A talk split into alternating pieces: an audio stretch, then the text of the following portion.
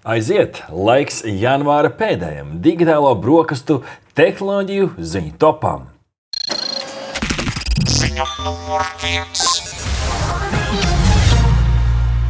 Tehnoloģiju uzņēmums Microsoft ir oficiāli apstiprinājis vairāku miljardu un vairāku gadu ilgu darījumu ar OpenAI, kur ir autori tādiem pasaules slaveniem mākslīgā intelekta rīkiem kā chatbotam ChatGPT un attēlu ģeneratoram DALI 2.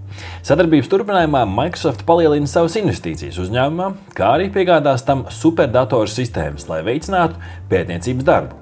Microsoft darījuma rezultātā kļūs par OpenAI ekskluzīvo mākoņu pakalpojumu nodrošinātāju. Tiek spekulēts arī, ka Microsoft integrēs ChatGPT vairākos tā patērētāju un biznesa programmatūras risinājumos, piemēram, Word, PowerPoint, Outlook un Bing meklētājā.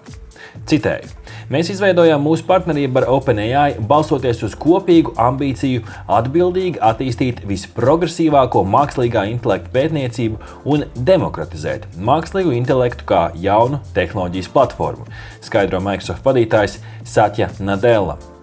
Citāta turpinājums. Nākamajā partnerības fāzē Izstrādātāji un organizācijas no dažādām industrijām varēs piekļūt labākajai mākslīgā intelekta infrastruktūrai, modeļiem un rīkiem ar Azure, lai veidotu un darbinātu savu programmatūru. Citāta beigas. Jāatgādina tikai, ka Microsoft 2019. gadā investēja 1 miljārdu ASV dolāru un jau iepriekš, 20. gadā, iegādājās ekskluzīvu licenci no OpenAI, lai izmantotu tā GPT-3 versijas tehnoloģiju. Microsoft ir izveidojis spēcīgu saikni ar OpenAI un plāno arī pievienot mākslīgā intelekta teksts uz attēlu modeli Bing meklētājam, izmantojot OpenAI izstrādāto DAL-E2 ģeneratoru. Nu, man šķiet, ka Rihards šeit uh, patiešām fantāzijai uh, var laist uh, vaļu. Iedomājieties, savienojot to klasisko biroju programmatūru ar mākslīgo intelektu. Kas te varētu piedzimt? Jā, nu patiešām iespējas ir visdažādākās. Nu, kurš gan negribētu prezentāciju, kurā tikai saliekot tādus spēlēcīgus nu, virsrakstus, tā izveidot skaistu, skaistu bagātīgu attēliem, caurvīt prezentāciju, vai arī, piemēram, Word dokuments, kur nu, tu iesāc kādu vēstuli un nu, kāds izlabo pirmkārt visas kļūdas, uzlabo valodas stilu un vēl pieliek varbūt kādu skaistu noformējumu vai galvā galā, nu, teiksim, veidojot savu CV, kāds varētu to papildināt, precizēt informāciju un beigu beigās vēl skaisti noformēt. Vai tik tas nebūtu lieliski?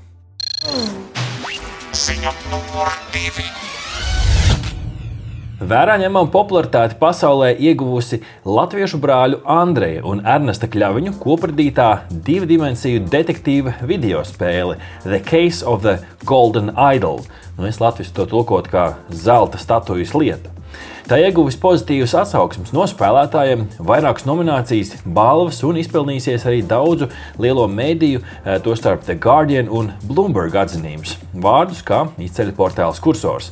The Case of the Golden Idol atrodama video spēļu platformās Steam un GOG. Eh, tā ir piedzīvojumu, mistikas un detektīvu žanra spēle, kurā attēlotie notikumi norisinās 18. gadsimtā un ir saistīti ar kādu aristokrātu ģimeni. Spēlētāju uzdevums ir vākt pierādījumus, izmeklēt noziegumus un noskaidrot, kurš vainojams spēles varoņu slepkavībās. The Case of the Golden Idol radījusi video spēļu studija Color Grey Studio, ko 21. gadā izveidoja abi brāļi. Mūziku spēlē komponējis Kails Miško, kā vēstīja Delphi Campus sadaļa. Citāts. Es teiktu, ka šī spēle liks spēlētājiem justies gudram. Viņš atrisinās mīklas un jutīsies riktīgi forši. Reizēm tu skaties uz vienu ainu un neko nesaproti, bet tad pēkšņi ir tas ah, skaidrs brīdis un sajūta, es esmu tik gudrs, ka to iztukoju. Gandrījuma elementu portālā Delfi skaidro Andrejs. Video spēle savā ziņā esot salīdzināma ar izlaušanās istabām, jeb escape rooms. Un jāpiebilst, ka Bloomberg to ielicis pērnā gada desmit labāko video spēļu sarakstā, kur tas nu, gozējas ar tādiem pasaules slaveniem tituliem kā Elden Ring, God of War, Ragnarok un citiem. Tā kā nu, patiešām šai spēlei tāds labs sākums. Kā tu, Rihard, vērtē šo spēli, kā tev tā vizuāli patika? Jā, nu man sanāca ieskatīties dažādos tā saucamajos gameplay video, un tad spēle vizuāli un pēc saskarnes atgādina nu, tādas video spēles no 90. gada beigām un 2000. gada paša sākuma. Reizēm pat kaut ko, ko mēs spēlējām ne uz datoriem. Bet nu, šīs spēles galvenais uzdevums tik tiešām ir izpētīt visus pavadienus un aizpildīt tādus trūkstošos vārdus šīs situācijas aprakstā nu, un, un atrisināt tādā tādā veidā kādu no šīm izmeklēšanām. Uh, nu, es domāju, ka spēle noteikti gan uh, vizuāli, gan satura ziņā ir ierindojama tādā indiju žanrā, jo ievērojami atšķiras no tā, ko esam pieraduši redzēt. Ziņa numur 3. Arizonas tūkstnesī uzstādīts jauns Guinness rekords kategorijā ātrākais lidošanas ātrums, kas paveikts ar akumulātoru darbināmu tālredzības kvadrokopteri. 360 km/h. Iepriekšējo rekordu 2017. gadā pārspējot par 97 km/h, kas piederēja Drone Racing League pārstāvjiem. Jauno rekordu uzstādīja Ryans Leidemans ar speciāli pielāgotu XLR V3 dronu. Drona ātruma rekorda mēģinājumi esot ļoti bīstami, jo lielais ātrums uzliek lielu slodzi gan elektriskiem motoriem, gan baterijām, kas var izraisīt aizdegšanos, kā stāsta portāls kursors.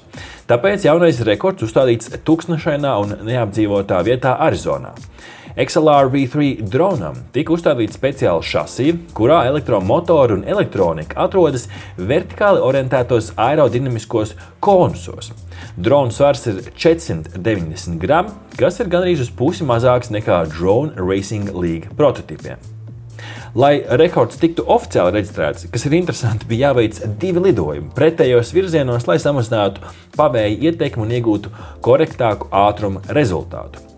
Pēc tam tika aprēķināts vidējais maksimālais ātrums abos lidojumos, un oficiāli reģistrētais ātrums Guinness rekorda grāmatā būs minētie 360 km/h, bet realitātē maksimālais ātrums, ko lidaparāts attīstīja vienā virzienā, bija 379,3 km/h. Pamatīgs ātrums!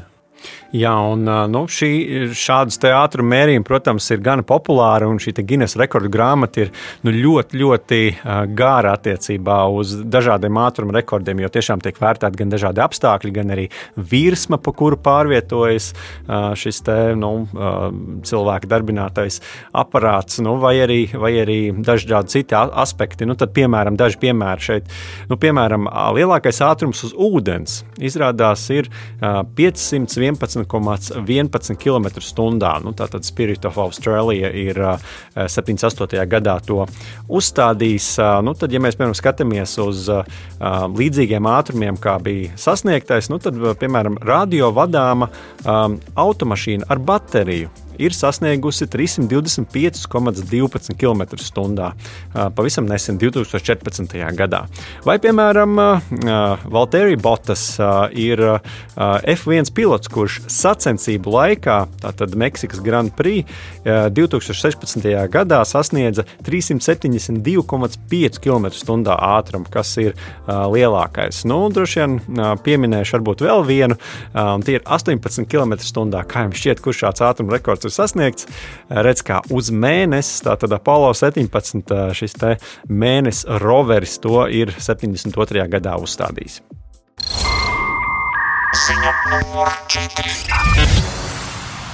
Pētnieku novērojumi jaunākajā saziņas lietotnes WhatsApp beta versijas kodā liecina, ka pastāv iespējamība, varbūt iespējams, nākotnē lietotājiem savā starpā uh, varēs sūtīt attēlus bez to kompresijas, jeb oriģinālajā kvalitātē, kā stāstīts portālā WA Beta Info jeb šo WhatsApp beta info.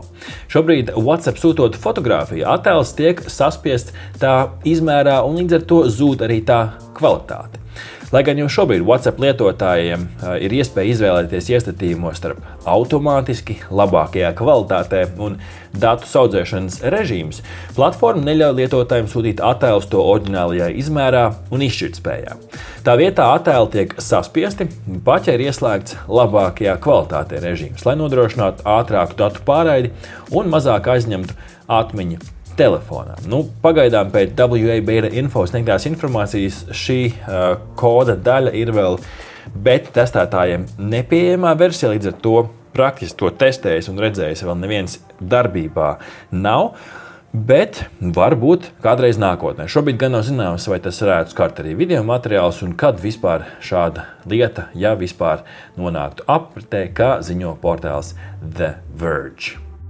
Jā, un kā mēs jau šodien noteikti runāsim ar intervijā, tad arī šis sociālais tīkls Mastodon saskaras ar līdzīgām problēmām. Restīvi, tie cilvēki, kur uztur serverus, nu, nāks viņiem arī rūpēties par šīm bildēm un video, ko cilvēki šajos, šajos savā laika līnijā publicē.